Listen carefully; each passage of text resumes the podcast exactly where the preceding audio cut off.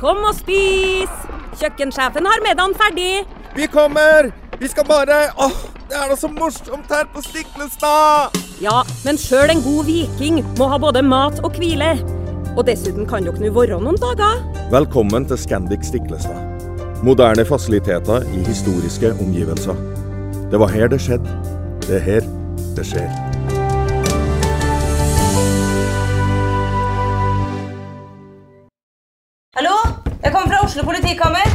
Ine Jansen er purk. Er du purk? The motherfucking bitch. Alt jeg vil, er å finne ut hva som skjedde med mannen min. Jon Carew. Er jeg sikta for noe? Iben Akeli. Det er du. Ole So, Lars Berrum og Big Daddy Karsten. Hvem sin side er du på, egentlig? Anette Hoff, Tone Danielsen, Kommer du fra Afrika? Jørnis Josef, Nesten. Kløfta. Trond Espen Seim, Det er synd å si det, men det var feil mann som døde. Purk. Premiere tirsdag på TV2 Play.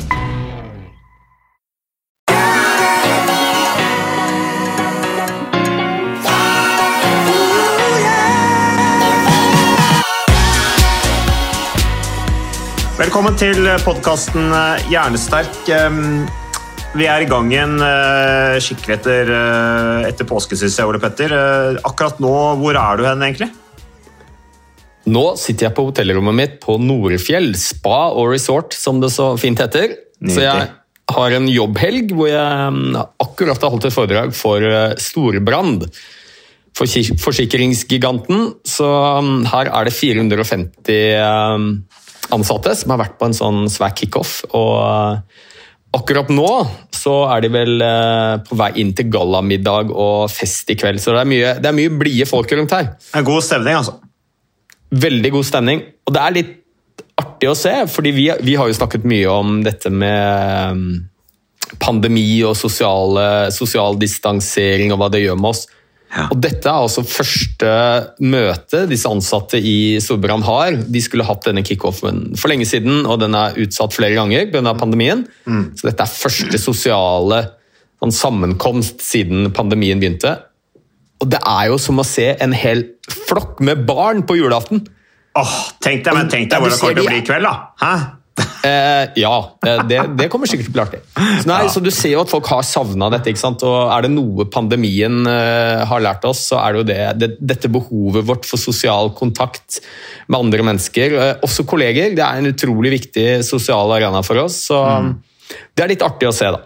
Ja, det er deilig. Det er deilig å være sammen med andre mennesker. Det er, det det er helt fantastisk. Men Ole Petter, bare sånn eh, av nysgjerrighet. Uh, Nå er jo Storebrand samla oppe på Nordfjell der, dette store forsikringsselskapet, og skal være sammen, feire sånne ting. Og så inviterer de treningslegen til å komme og holde foredrag. Holdt du foredrag om hvordan håndtere sånn der, hva heter det, sånn eh, eh, når du er sånn eh, åh, Nå er jeg helt hjertet, for jeg har ikke sovet i natt. eh, Vi kommer tilbake til det forresten hvorfor. Men, eh, men altså, hangover! Det var det ordet jeg lette etter.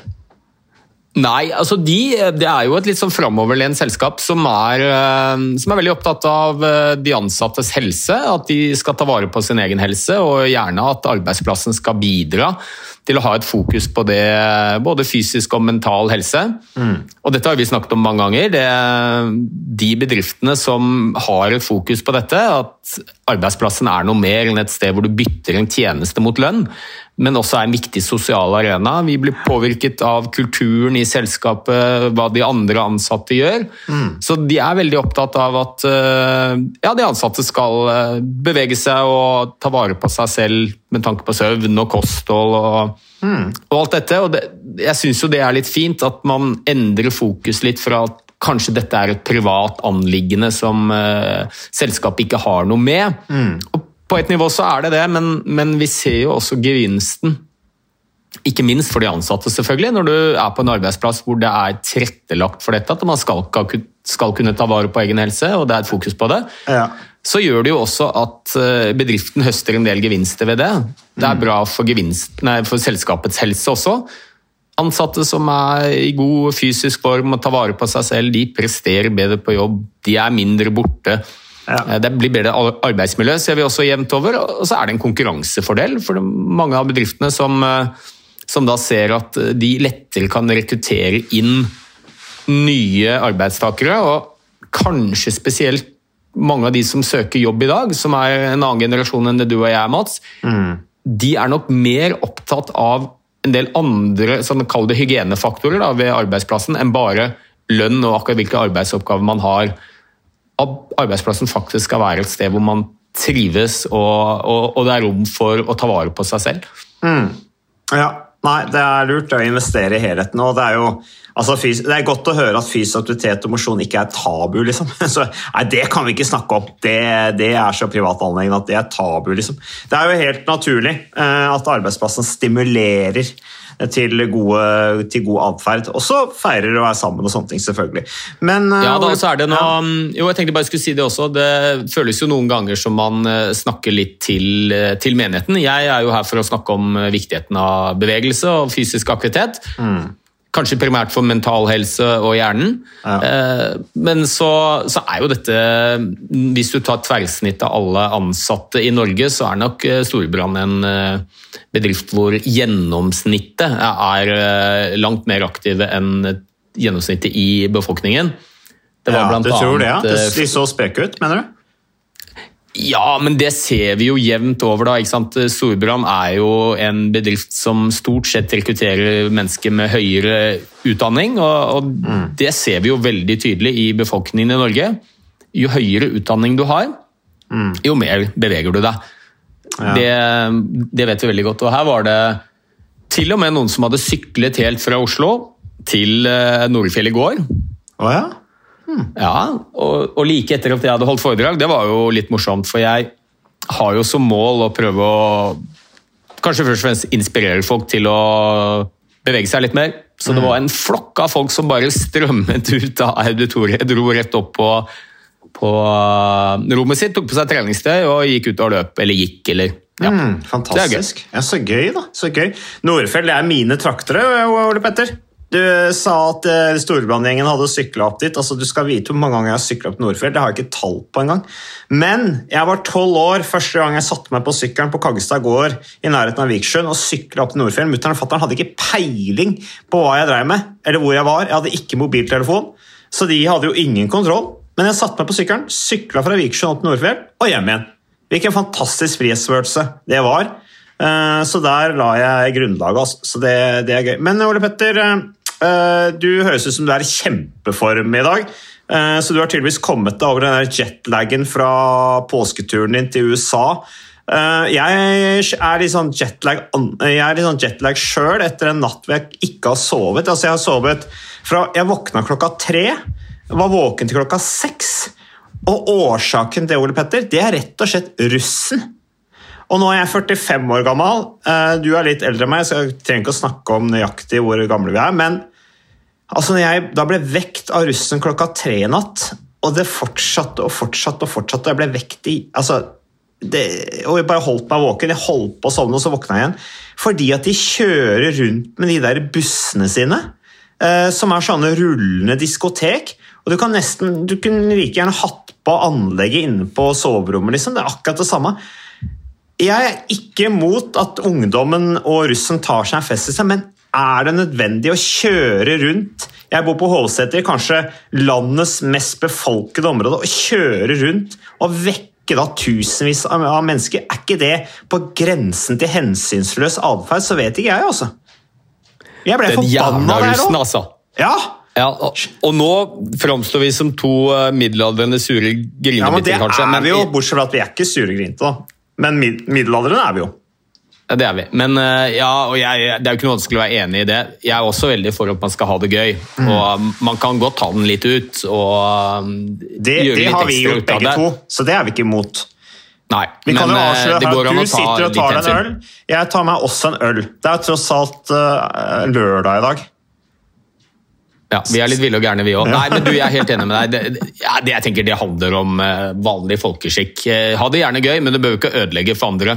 Nei. Søvn er viktig, vet du. Så jeg skjønner godt at folk blir irritert over det. Og um, jeg har ikke barn ennå som har kommet i russealder, men det er ikke så lenge til. Så her får vi passe på, Mats, ikke våre poder gjør det samme. Nei, men Jeg sa til, altså, jeg sa til kona mi uh, Marita, at liksom, ok, hvis vi nå, nå begynner denne helga tydeligvis, opplagt, uh, og da hvis det er sånn nå en måned fremover Eh, og de fortsetter å rulle rundt i det området her med disse her diskotekene sine, bussene, med anleggene på full guffe. eh, Og da vekker sannsynligvis kanskje tusenvis av mennesker og holder på sånn i en måned fremover. Eh, Da vil jo da eh, eh, forbruket av sovetabletter gå opp. Eh, Folk vil, Søvnkvaliteten for folk flest vil gå ned. Og Det er jo ikke spesielt bra for folkehelsa, produktiviteten og folks livskvalitet.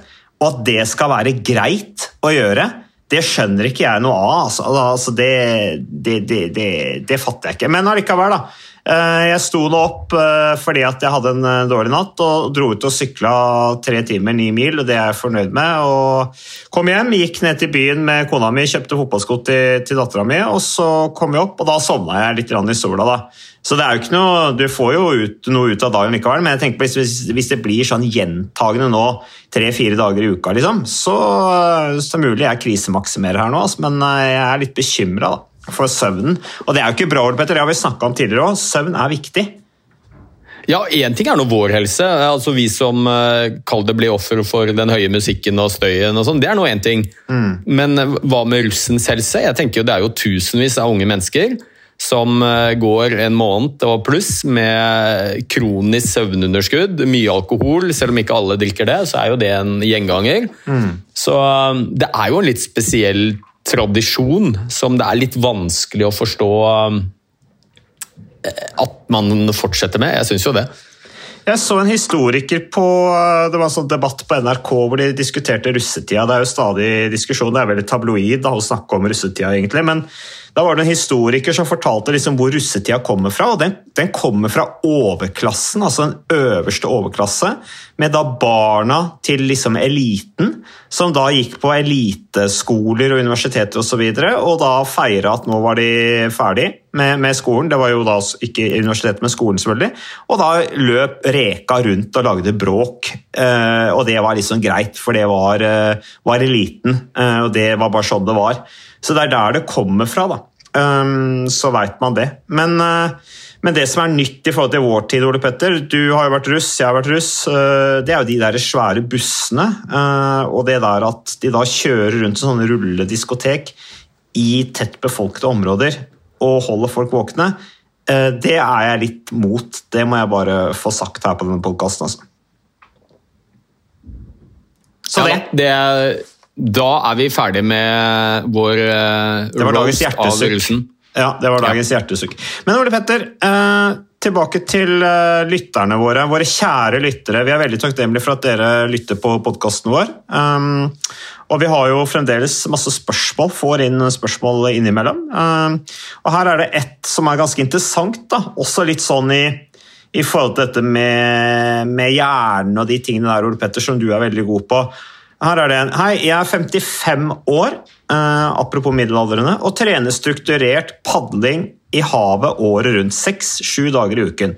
Noen ganger er det dårlig vær og vanskelige forhold med fare for å velte. Da øker pulsen i intervalløktene, og så skriver han da i parentes pulssone 3, 150 puls, blir kanskje opp mot sone 5, 170 puls. Altså den pulsen øker da når det på en måte blir litt høyere sjø og litt mer fare involvert, fra 150 til 170 puls. Er han plutselig oppe i sone 5, som er øverste på en måte intensitetssone. Og så skriver han videre det samme kan kanskje skje når man klatrer på litt eksponerte plasser. Uh, teller seks, og så spør han da teller 60 minutter med høy adrenalinpuls som 60 minutter høy treningspuls, selv om opplevd intensitet føles lavere med adrenalin. Hilsen Peter Fusdal. Så han er en sprek fyr, han her. Han er jo tydeligvis opplevd veldig glad i naturen. Har tett forhold til naturen når han er ute og padler, ikke minst. Da kommer du veldig tett på havet. Klatring er jo en fantastisk øvelse i forhold til å komme tett på, på naturen, men du er på en måte noe Du er på en måte et sånt element hvor du skal kjempe litt mot naturkreftene. Og Det er fantastisk utviklende som, som person. Men hva svarer du på det spørsmålet, Ole Petter?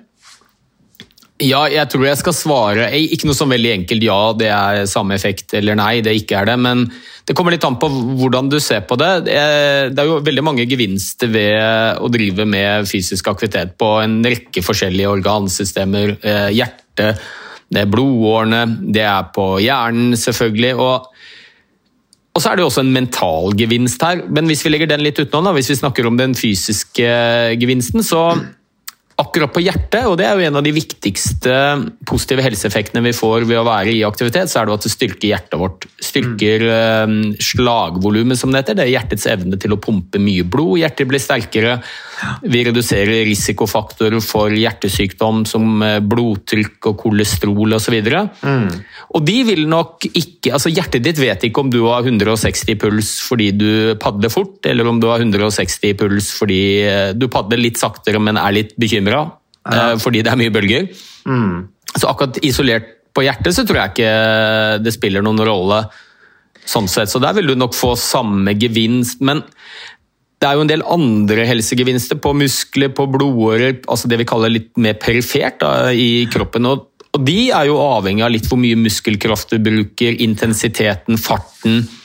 Så jeg tror kanskje jeg skal si at uh, du får en formidabel gevinst uansett, men at uh, den totale treningsgevinsten blir nok allikevel litt lavere når du har, selv om du har samme puls. Fordi mm. du har lavere muskelbruk, altså det går ikke like fort. Nei, Belastningen ja. er jo den samme, på en måte. Sånn rent ja. muskulært. altså hvis du I et sykkelperspektiv så bruker man jo wattmåler, nettopp fordi at noen ganger så, så lurer pulsen deg litt. Eller pulsen er ikke helt til å stole på alltid. Noen dager er den høy, noen ganger er den lav. Men derfor så sykler man på watt, sånn at styrkemessig sånn, så blir det på en måte samme belastningen. Har ikke noen større effekt. Men jeg tenker på sånn rent sånn eh, Dette med stressmestring og sånne ting, så vil det jo være en viss trening i å møte den type situasjoner hvor det produseres adrenalin. da. Altså håndtere ja, stress, blant annet.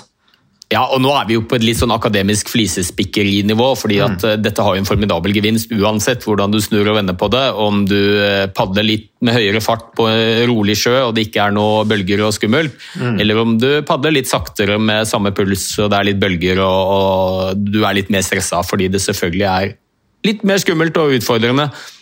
Eh, og det andre elementet der, det mentale, så tenker jo jeg at den typen aktivitet som han snakker om, det å utfordre seg sjøl i kanskje gå litt utenfor komfortsonen, det er mye bølger, mm. eller du klatrer på steder hvor det rent statistisk ikke er noe farlig, men allikevel det er en litt sånn fryktrespons som eh, kicker inn, mm. så er jo det veldig utviklende og positivt mentalt sett. Men hva gjør det med dopaminnivået ditt oppi hodet, Ole Petter? Altså hvis du på en måte møter en ekstra fare opp et fjell, da, for eksempel, eller med høy sjø, hva det måtte plutselig blåser opp, og det blir litt sånn Litt frykt, kanskje.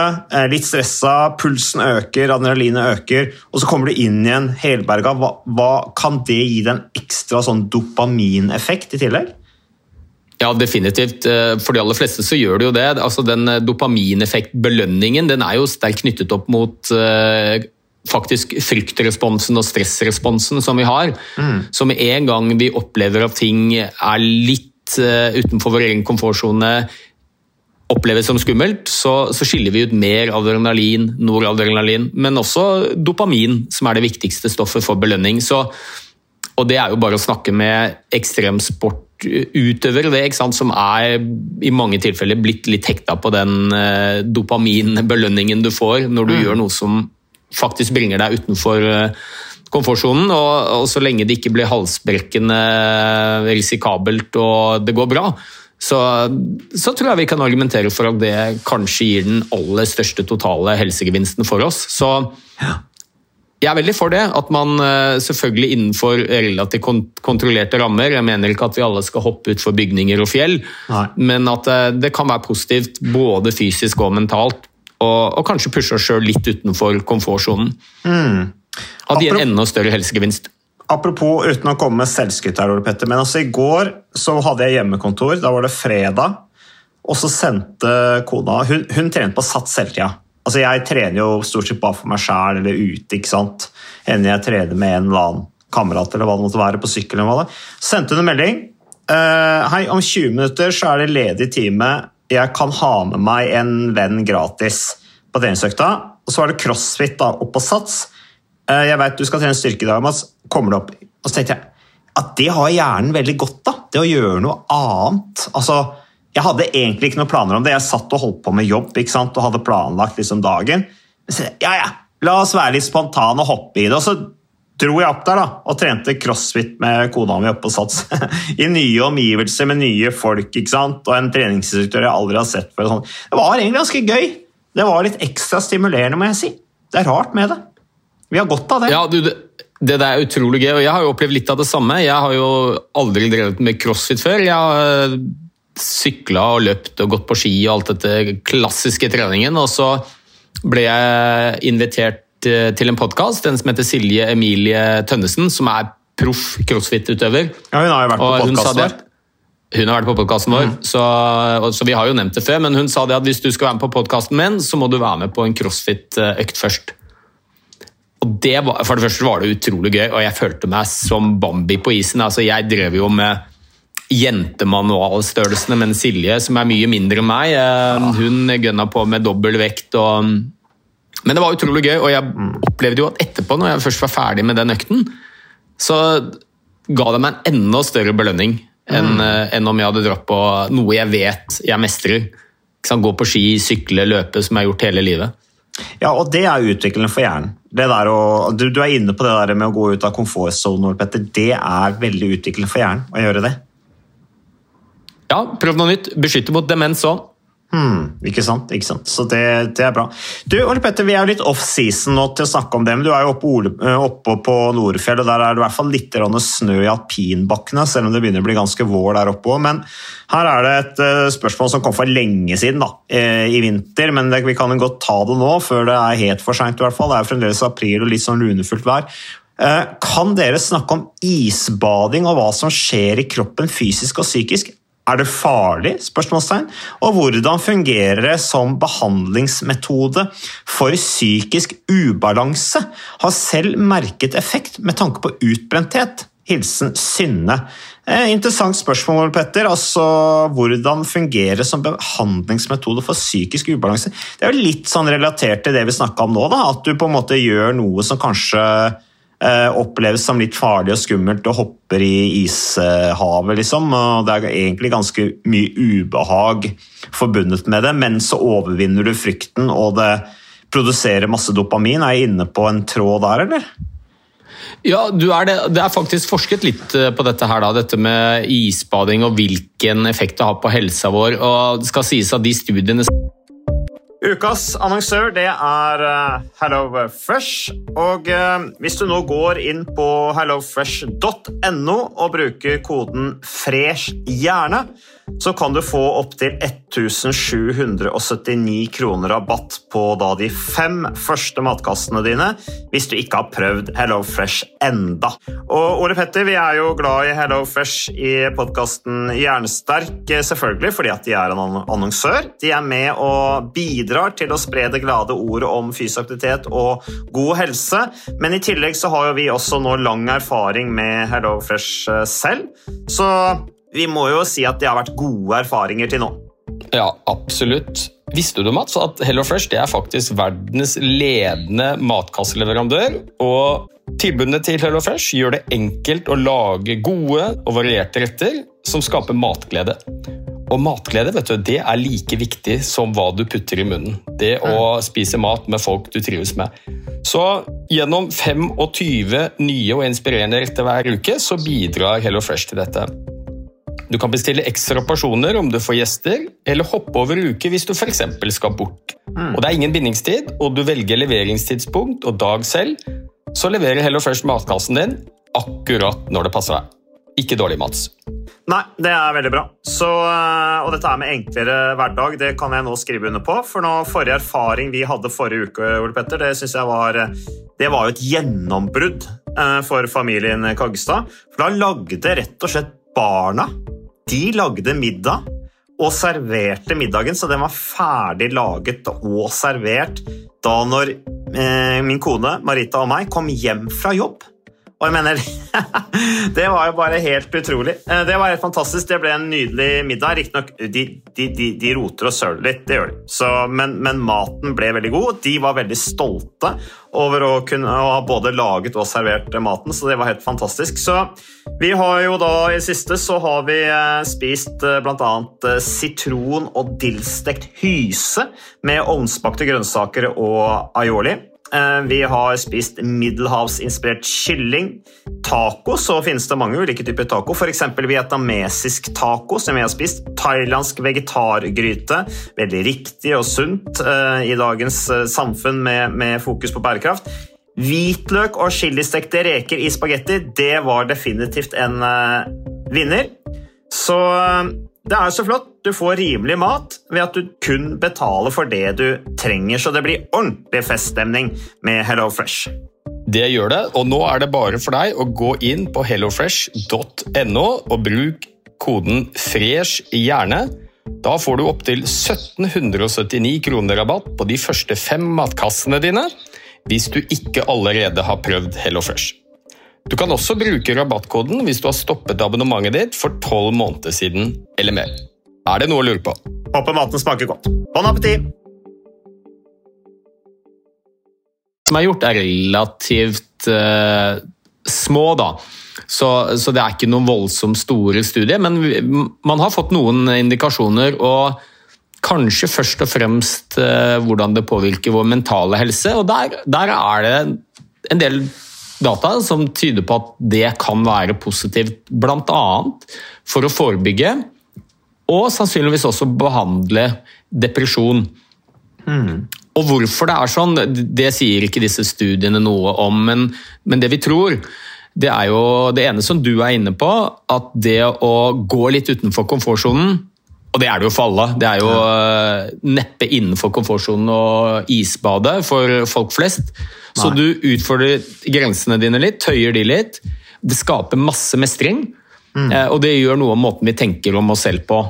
Så, um, så det, det tror vi er én av elementene som gjør at det kan være positivt for mental helse. I tillegg så vet vi at iskaldt vann det stimulerer jo og aktiverer jo virkelig dette fight or flight-systemet, altså dette stressystemet vårt. Eh, og da skiller vi ut mer av en rekke kjemiske stoffer, bl.a. dopamin, noradrenalin, adrenalin, sannsynligvis også serotonin, som alle er med på å løfte humøret vårt. Så, um, så jeg syns det er ganske interessant. Og det, det er i hvert fall ikke farlig. farlig Nei.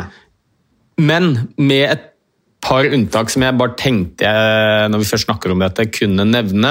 Litt med hjertet, Eh, Og det er jo at det er, ja, det er noen som bør være forsiktige med isbading. Eh, Det ene er de som har eh, epilepsi. Ok. Vi vet at uh, iskaldt vann kan trigge epilepsianfall, og det er selvfølgelig ikke noe du har lyst på når du er i vann. Nei. Så da skal man være litt forsiktig, eh, spesielt. Det betyr ikke at man ikke kan gjøre det, men man skal ja, være litt ekstra påpasselig med det. Og så er det personer som har litt sånn uavklart og kanskje ubehandlet hjerte-karsykdom. For vi vet at det iskalde vannet, det kan hos hjertesyke, og spesielt alvorlig hjertesyke, så kan det være med på å trigge eh, hjerteinfarkt. Eh, og det handler noe om at temperatur gjør at blodårene trekker seg sammen, kald, kald temperatur. Og det ønsker du selvfølgelig ikke hvis du har en trang åre i hjertet ditt fra før. Litt sånn som snusing Eh. og røyk. Ja. Og, og så er det en ting til, og det er uh, de som står på en spesiell type hjertemedisin. Det er noe som heter betablokkere, som uh, brukes uh, for å senke blodtrykk. Det brukes hos pasienter som har hatt et hjerteinfarkt, hjertesvikt osv. De medisinene gjør at blodårene trekker seg sammen, og um, hvis du da i tillegg bader i kaldt vann, så kan det gi en del plager, bl.a. likfingre, for da, da har du dobbel effekt, både legemidlene og det kalde vannet, som gjør at blodårene til fingre og tær trekker seg sammen. Så det kan være litt ubehagelig. og ja. Og så bør man selvfølgelig ja. aldri bade alene i iskaldt vann. Det, skal du bade isbade, så bad med noen andre. Ja. Ja. Men det er blitt veldig populært. en- Har, har du gjort det sjøl, eller noen gang? Isbada? Jeg har aldri gjort det. For meg, altså, det, det- er helt likestilt med å gå på glødende kull, f.eks. Altså det å isbade eller glødende kull, det, det, det, for meg så ville det vært på en måte akkurat samme utfordring. Ja, du, jeg har faktisk drevet uh, litt med det. Mange år siden, 20 år siden, da var vi en kompisgjeng som hadde en sånn fast uh, møteplass. Vi møttes på Majorstua hver mandag for å løpe en tur. Og så var det en som sa du pokker heller, eh, nå er det januar, kan ikke vi la oss løpe ut til Bygdøy? Det er ca. 5-6 kilometer én vei. Og så tar vi et bad eh, i havet, og så løper vi hjem igjen. Ja. Jo, jo, selvfølgelig. Jeg var jo ung og Ja, nakenbading, da. Eh, Ja, det ble jo, det ble jo i praksis det. Ja, for du har jo ikke lyst til å løpe med helt eh, gjennomvått eh, undertøy eh, på vinteren. Så det ble jo i praksis det. Ja. Det var jo ikke noe folk der, så det var jo ikke Nei, noe nei, problem det. Så, og en del av, Noen ganger så var det jo ikke is på fjorden, noen ganger så var det is. Da kakka vi hull, og så senket vi oss ned. ja, det er viktig. Ja, og det var, det var ordentlig kult. Men det var et par problemer med det. Og det ene var jo at først og fremst når, akkurat når du hadde bada, du var jo så kald, ikke sant? så bare det å knytte skolisser og ta i en glidelåser eh, på det treningstøyet du tok på deg igjen, det ble jo nesten helt umulig. Så vi løp jo med flagrende åpne Vi klarte ikke å knytte skolissa, og jakken flagra og sånn. Det var jo et lite problem. men vi stoppet med det etter et halvt år fordi det viste seg av åtte menn da, som var med i denne gruppa, og en dame, hun slapp unna det problemet vi fikk, men fem av oss fikk eh, prostatitt. Åh, Altså det? kronisk, ja, det er kronisk betennelse i prostata. Er? Dette organet som vi menn har uh, Som vokser når vi blir eldre. Ja, det vokser når vi blir eldre. Det sitter jo like ved urinblæra. Det må sjekkes, prostata eh, det der, der når du kommer i en viss alder. ikke sant? Jeg har ennå ikke Ja. blitt sjekka for det der. Jeg. Kunne du gjort det? Kunne du tatt den jobben, eller? Du er jo lege. Du, eh, helst ikke, Mats. Jeg er veldig glad vi sitter på Zoom nå og jeg ikke er i nærheten av deg. Så, men eh, jeg kan godt anbefale en eh, lege som sikkert kan hjelpe deg med det. Ja, Men finner det. prostata er viktig, da. Prostata er viktig. Uten prostata så får vi ikke barn. Nei. Men når vi blir godt voksne og ikke lenger skal ha barn, så er prostata egentlig mest til besvær for oss menn. Den vokser litt med alder, og vi får dårlig trykk på strålen og må opp på natta mange ganger og tisse og sånt. Men eh, prostatitt er ubehagelig. Det er en sånn sviende, ubehagelig ja, smerte og vondt eh, i underlivet over lengre tid, og det er litt tricky å bli kvitt det. Så vi sleit med det i et år, tror jeg, alle, alle fem. Så, Men er det, så det er da slutta jeg med isbading. Det er urinveisinfeksjon, altså? Slags? Ja, strengt tatt ikke, men det er, det er nok mest det at du, du kan få en eh, kronisk irritasjon av eh, prostata pga. kulden, som, eh, som gjør at du går rundt med ubehag lenge. Så det Det er jo ikke så bra for den psykiske helsa. Nei. Men Ole Petter, du var bare litt inne på det. Dere løp, ikke sant? isbada og sånne ting. Altså, Toppidrettsutøvere de bruker jo isbading for restitusjonens skyld. Altså dette er At blodårene trekker seg sammen, og så utvides det igjen. Det er jo veldig bra for eh, restitusjonen, transporten av, eh, av tretthetsstoffer i muskulaturen osv. Ja, eh, ja, er det det? Jeg, eh, jeg har jo sett det også nå, at det er blitt en trend. Jeg var aldri borti det da jeg løp aktivt, men nå er det jo ganske vanlig. Sånn cold water immersion, som det heter, hvor eh, idrettsutøvere, spesielt etter harde økter, mm. de legger seg ned i kaldt vann. Det er riktignok ikke iskaldt ofte, men det skal iallfall ja, det, det er relativt Det oppleves som ganske ubehagelig og kaldt. Og så ligger de nedi der i noen minutter. Og tanken er jo at det skal da gjøre restitusjonen litt raskere. Fordi vi vet bl.a. at kulde hemmer betennelsesreaksjon, som er en av årsakene til at du blir støl etter at du har trent en hard økt. Eh, Men det er gjort ganske mye eh, store studier på dette nå, og summen av det som er gjort, forteller oss at det der, eh, det er sannsynligvis ikke noe det er verdt å bruke veldig mye tid på. Eh, Ok. Jeg har ikke sett en eneste studie hvor det viser seg at eh, sånn cold water immersion øker prestasjonsevne. Den er den samme for utholdenhetsidretter, for de som driver med det, sykling, løping, ski og sånt, om du bruker dette kalde vannet eller ikke. Og faktisk for styrketrening, det å utvikle maksimal kraft, så viser det seg faktisk at det kan hemme prestasjon. Å ja? Ja, og det er, det, er- det er jo litt interessant poeng, fordi det den, det kalde vannet gjør, er at du får litt lavere betennelsesreaksjon. Du føler deg ikke like støl. Nei. Og det kan være nyttig for de som kanskje har eh, betennelsesprosesser og kroniske skader. Så kan det være bra. Men jeg tror vi skal huske at den stølheten vi får når vi har trent, det kan oppleves som ubehagelig, men det er jo egentlig gevinsten. Altså Det at du blir støl, det er jo en veldig viktig ledd i det vi kaller adaptasjon, eller tilpasning, til en økt belastning. Så den, de små avrevne muskelfiberne som eh, du får når du har trent ekstra hardt, eh, det skaper en betennelsesreaksjon som er med på å styrke vevet og gjøre det enda sterkere enn det var. Okay. Sånn at det er en del ting som tyder på at å hemme den naturlige prosessen, det, det kan virke mot sin hensikt.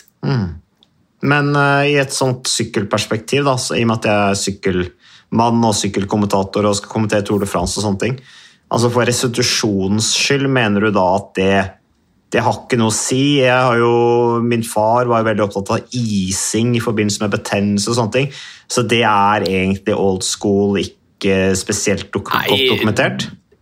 Nei, det er ikke spesielt dokumentert, men godt dokumentert, men det er jo mye av idretten. Eh, mye av de treningsprinsippene som mange bruker osv.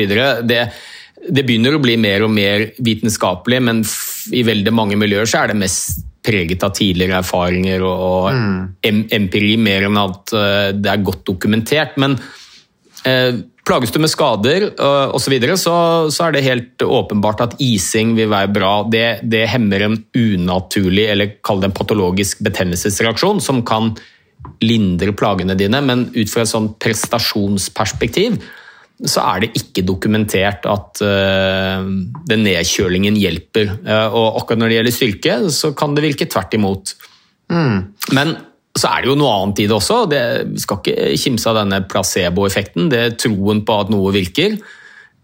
Gjør jo også at man kan få en effekt av det. Men det er lite som tyder på at selve nedkjølingen uh, gjør noe med prestasjonsnivået vårt. Nei, det er jo greit. Men mental effekt, det har det. Og det var jo det som var spørsmålet da fra lytteren her. liksom Om det gjør noe i forhold til dette med psykisk ubalanse, så kan det ha en gevinst. Dette med mestring og hva som skjer oppi hodet ditt. Ja, og så var det en ting til som jeg, jeg rotet meg bort på en digresjon om prostata og isbading, men det er en annen gruppe som eh, Det er en del studier som tyder på at det kan være hensiktsmessig og bra for dem å nedkjøles, om det er bading i kaldt vann i sjøen eller om det er i badekaret. Det spiller for så vidt ingen rolle. Og det er jo de med, med kronisk ja, revmatiske sykdommer, da. type leddgikt, Bechdrevs sykdom, hvor vi vet at det er en sykelig prosess som skaper ekstra betennelsesreaksjoner i kroppen, så vil de kanskje, eller til og med sannsynligvis, bli litt dempet av eh, nedkjølingen. Så for den pasientgruppen så, så kan dette kanskje være ekstra gunstig. Interessant. Uh, bra, Ole Petter. Eh, vi har for så vidt, Når vi først er inne på det, så tenker jeg at litt sånn relevant er dette spørsmålet vi har her. Eh, vi får la det være siste spørsmål, da, men her er det en som spør om tøying og helse. En aktiv småbarnsfar som sykler til og fra jobb tre-fire ganger i dagen, tre-fire ganger i uka, mener jeg, eh, og er ellers i mye bevegelse. Hjelper meg å være fysisk og psykisk i form i en hektisk hverdag. Vi støtter ham veldig på det. Altså, Er du småbarnsfar eh, og i tidsklemma, desto viktigere å få trent litt. Men som vi har sagt gjentatte ganger, du trenger ikke å trene så mye, men for guds skyld, unnskyld uttrykket, så er det lurt å holde seg litt i form da, med tanke på det mentale og fysiske gevinsten. ikke sant? Det er altfor mange småbarnsfedre, tror jeg, og småbarnsmødre også, som når de kommer i den fasen, slutter å trene, fordi at da har de dårlig samvittighet, de er slitne, og så blir det en ond spiral, og så blir de bare mer og mer slitne jo dårligere form de kommer. Men han skriver at han er veldig stiv i hamstring, bakside, lår, hofte, nakke osv. pga. kontorjobb og jogging, kombinasjonen. Og han mener at det går utover livskvaliteten fordi at man er stiv, redusert bevegelighet osv. Jeg kan for så trøste han med at jeg føler meg som en 80-åring i dag etter den der økta jeg var på i går, men det går over. Og så har han derfor da lagt inn mer fokus på uttøying etter trening fordi han har lest litt om dette. Og han føler seg da bedre når han trener. Um, og at det gjør da at skal vi se, etter trening Han føler seg bedre etter trening dersom han tøyer statisk 10-15 minutter etterpå. Og Så undrer han seg da om vi kan diskutere litt om dette trening og uttrening ut fra et helseperspektiv. Min magefølelse tilsier at bevegelighet er et problem som mange kjenner seg igjen i. Det tror jeg vi kan være enige om, Petter. det har vi snakket litt om allerede også. Men at anbefalt, hva er anbefalt? At det er vanskelig å prioritere uttøying, selv om konsekvensene er av manglende uttelling er stiv, jakker, eh, stiv nakke, rygg, hofter osv. For min del tenker jeg at det tar tid fra joggingen. Hva tenker dere om dette? Hva er anbefalt dose tøying for aktive voksne? Er det noen områder som er viktigere enn andre? Jeg er også interessert i boktips om temaet dersom dere har det. For det første Peter, kan vi bare svare på at det finnes vel ikke noen anbefalinger for uttøying annet enn litt sånn generell erkjennelse av at uttøying er bra. Um, og for, min, altså for å gi et svar på det spørsmålet at det tar Han skriver her at det tar tid fra jogginga. Altså jeg tenker at Du kan jo jogge øktene dine som planlagt og jogge de rundene du skal, men at du kanskje du trenger ikke å tøye ut rett etterpå, men du kan jo f.eks. reise deg opp underveis i løpet av arbeidsdagen og ta en tøyeøkt f.eks. før lunsj, eller fem minutter her, fem minutter der. Vi har snakket om dette med røykepausen, Ole Petter, at den kan gjøres om til på en måte gåpausa eller, eller tøyepause eller ta noen pushups eller et eller annet. Det å reise seg opp i løpet av dagen og tøye ut litt, altså du får gjort veldig mye på fem minutter. Ja, men det er, det er egentlig et veldig godt spørsmål um, om det var noen anbefalinger rundt dette med tøying. og det som du har nevnt flere ganger, Mats, så har jeg sittet i et sånt panel i Helsedirektoratet hvor vi har sett på nye nasjonale anbefalinger for eh, fysisk aktivitet for befolkningen i Norge. Mm. De kommer for øvrig eh, i begynnelsen av mai. Det har blitt litt utsatt Altså, De ble offentliggjort i begynnelsen av mai. Det, det gleder vi oss til, Ole Petter. og Da forventer ja. vi at de, de, rådene at det nå blir stadig mindre anbefalt fysisk aktivitet. For det er jo tendensen, og at du er med på det nå. Nå trenger vi ikke bevege oss noe særlig i det hele tatt. Det har iallfall kommet med at alle monner drar. Man har ikke vært mm. så kategorisk på at uh, det eneste saliggjørende er å nå 150 minutter i uka for voksne. Men man har fått inn en del uh, info, basert på forskning, altså, uh, at selv treningsmengde godt under 150 minutter allikevel har en svært positiv effekt. Mm. Men um, i den sammenheng så har vi jo gått gjennom veldig mye forskning, og det var litt snakk om om man skulle legge inn noen spesifikke anbefalinger for tøying og beve bevegelighetstrening. Da. Mm. Men litt av utfordringen, iallfall når man lager sånne nasjonale anbefalinger, og det er jo egentlig positivt at det er sånn, det er jo at det skal være forskningsbasert og kunnskapsbasert. Så mm. vi kan ikke skrive at jo, vi anbefaler at man skal tøye 15 eh, minutter om dagen hvis det ikke er noe vitenskapelig dokumentasjon på at det er positivt for, for helsa. Og, og, Der er det ikke så veldig mye studier, og, og, og, det er litt sparsomt eh, med funn. Så det har ikke kommet inn i anbefalingene. Nei. Men det betyr jo ikke at det ikke er positivt, og jeg tror eh, det er stor enighet om at tøying er bra. Ja. Kanskje spesielt for å forebygge skader. Mm. Eh, og det kan være viktig for prestasjon også, iallfall i en del eh, øvelser. Eh, men jeg tror også det er viktig poeng som du sier, da, at hvis man har en gitt angitt tid i løpet av en dag man kan, som man kan bruke til å bevege seg, mm. og så blir man stilt i et sånt dilemma skal jeg ta bort en del av bevegelsen og heller tøye isteden, så, så tror jeg nok vi, vi kan si at du får en enda større helsegevinst ved å, å å ta ti minutter ekstra med jogging eller sykling. Mm. Uh, Istedenfor å bruke det på tøying. Så, ja, for du må, ikke tøye sånn... ut rett etter, du må jo ikke tøye ut rett etter treninga for at det skal gi effekt. Nei, uh, og det, det, er det ingenting som tyder på. Nei. Så akkurat når du gjør det, spiller nok ikke like stor rolle. Sånn at um, Da er det jo et godt tips som du sier, at tøying er noe som er ganske enkelt. Du behøver ikke noe utstyr, du kan gjøre det hvor som helst, når som helst. Så, så, min anbefaling er jo at man, eh, den tiden man har til kalde treningsøkter, den bruker man til det. Mm. Uh, og har du litt knapt med tid, men ønsker å få inn litt tøying, så prøv å snike det inn. Sniktøying! Mm, for eksempel når du ser på Dagsrevyen. Ja, men altså, Du kan gjøre det når du pusser tenna, stå i trappen og, og gjøre, tøye leggene. Mm. Du kan gjøre det på arbeidsplassen, du kan gjøre det på kjøkkenet du altså, Du kan gjøre det nesten hvor som helst. Ja. Når som helst. Og at man da sniker inn noen eh, minutter med det eh, hver dag, det, det er positivt. Ja, vi kunne jo tøyd her og nå, liksom. Uh, under podkasten. Vi gjorde det, Petter, for den saks skyld. Jeg er, sitter og tøyer litt nå. Jeg. Hvis Ja. du ser meg her nå, så sitter jeg og tøyer litt. jeg også strekker litt på nakken her nå. Det er lurt. Øker jo blodsirkulasjonen litt. Jeg innbiller meg i hvert fall at det gjør det. Ja, og sånn som jeg leste det Nå var det du som leste lytterbrevet, men jeg forsto det som han hadde en sitte... eh, eh, Hva heter det? Eh, Stillesittende. sittende jobb. Stillesittende jobb, som de aller fleste av oss har. Eh, et lite tips da, hvis det er mulig, eh, det er jo det har jeg erfart selv altså, eh, i en av mine kontorjobber. Gå fra å ha den klassiske kontorstolen til å få en ståpult. Eh, hvor du står istedenfor å sitte. Og det, iallfall for meg, som er kommet eh, godt opp i eh, årene, over 50, så føler jeg meg utrolig mye mer smidig og har mindre vondter når jeg har stått eh, og jobbet, istedenfor å sitte og jobbe.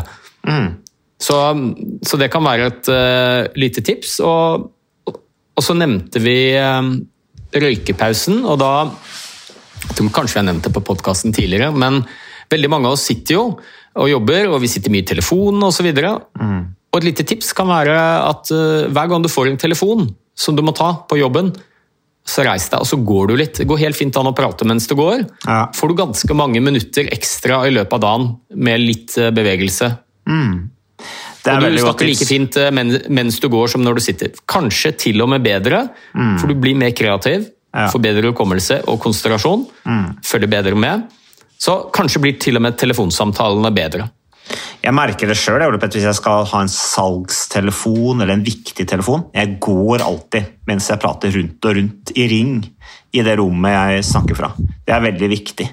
Eh, Jeg kan ikke sitte, da føler jeg at det er noe med stemmen og alt som er, blir helt feil. Blir, det blir for passivt. på en måte. Du må jo være offensiv og på hugget når du skal ta viktige telefoner. og Da er det viktig å stå og gå. Men eh, Ole Petter, jeg tenker at eh, nå har vi jo holdt på en stund. Det er flere spørsmål her vi egentlig hadde planer om å ta. Mye flotte spørsmål. Men eh, jeg tror kanskje vi skal gi oss der. Det er lørdag og, og sånne ting. Jeg skal opp og spise lørdagstaco, for de som vet hva det er. Det er jo stort sett fredagstaco det går i, men vi har nå lørdagstaco. Så, ja, den er vel ikke så veldig annerledes enn lørdagstacoen enn fredagstacoen? det, det er noen små justeringer bare, uten at jeg gidder å gå inn på det. Men uh, jeg begynner å bli sulten. Uh, du skal sikkert ha noe mat, du også. Så, men uh, vi takker uansett for at lytterne er med oss i podkasten Hjernesterk. Eh, takk til deg, Ole Petter, for øh, at du er med og deler din erfaring og kunnskap. Og takk for lytterne som sender inn spørsmål. Vi er tilbake med mer neste uke. Ibi!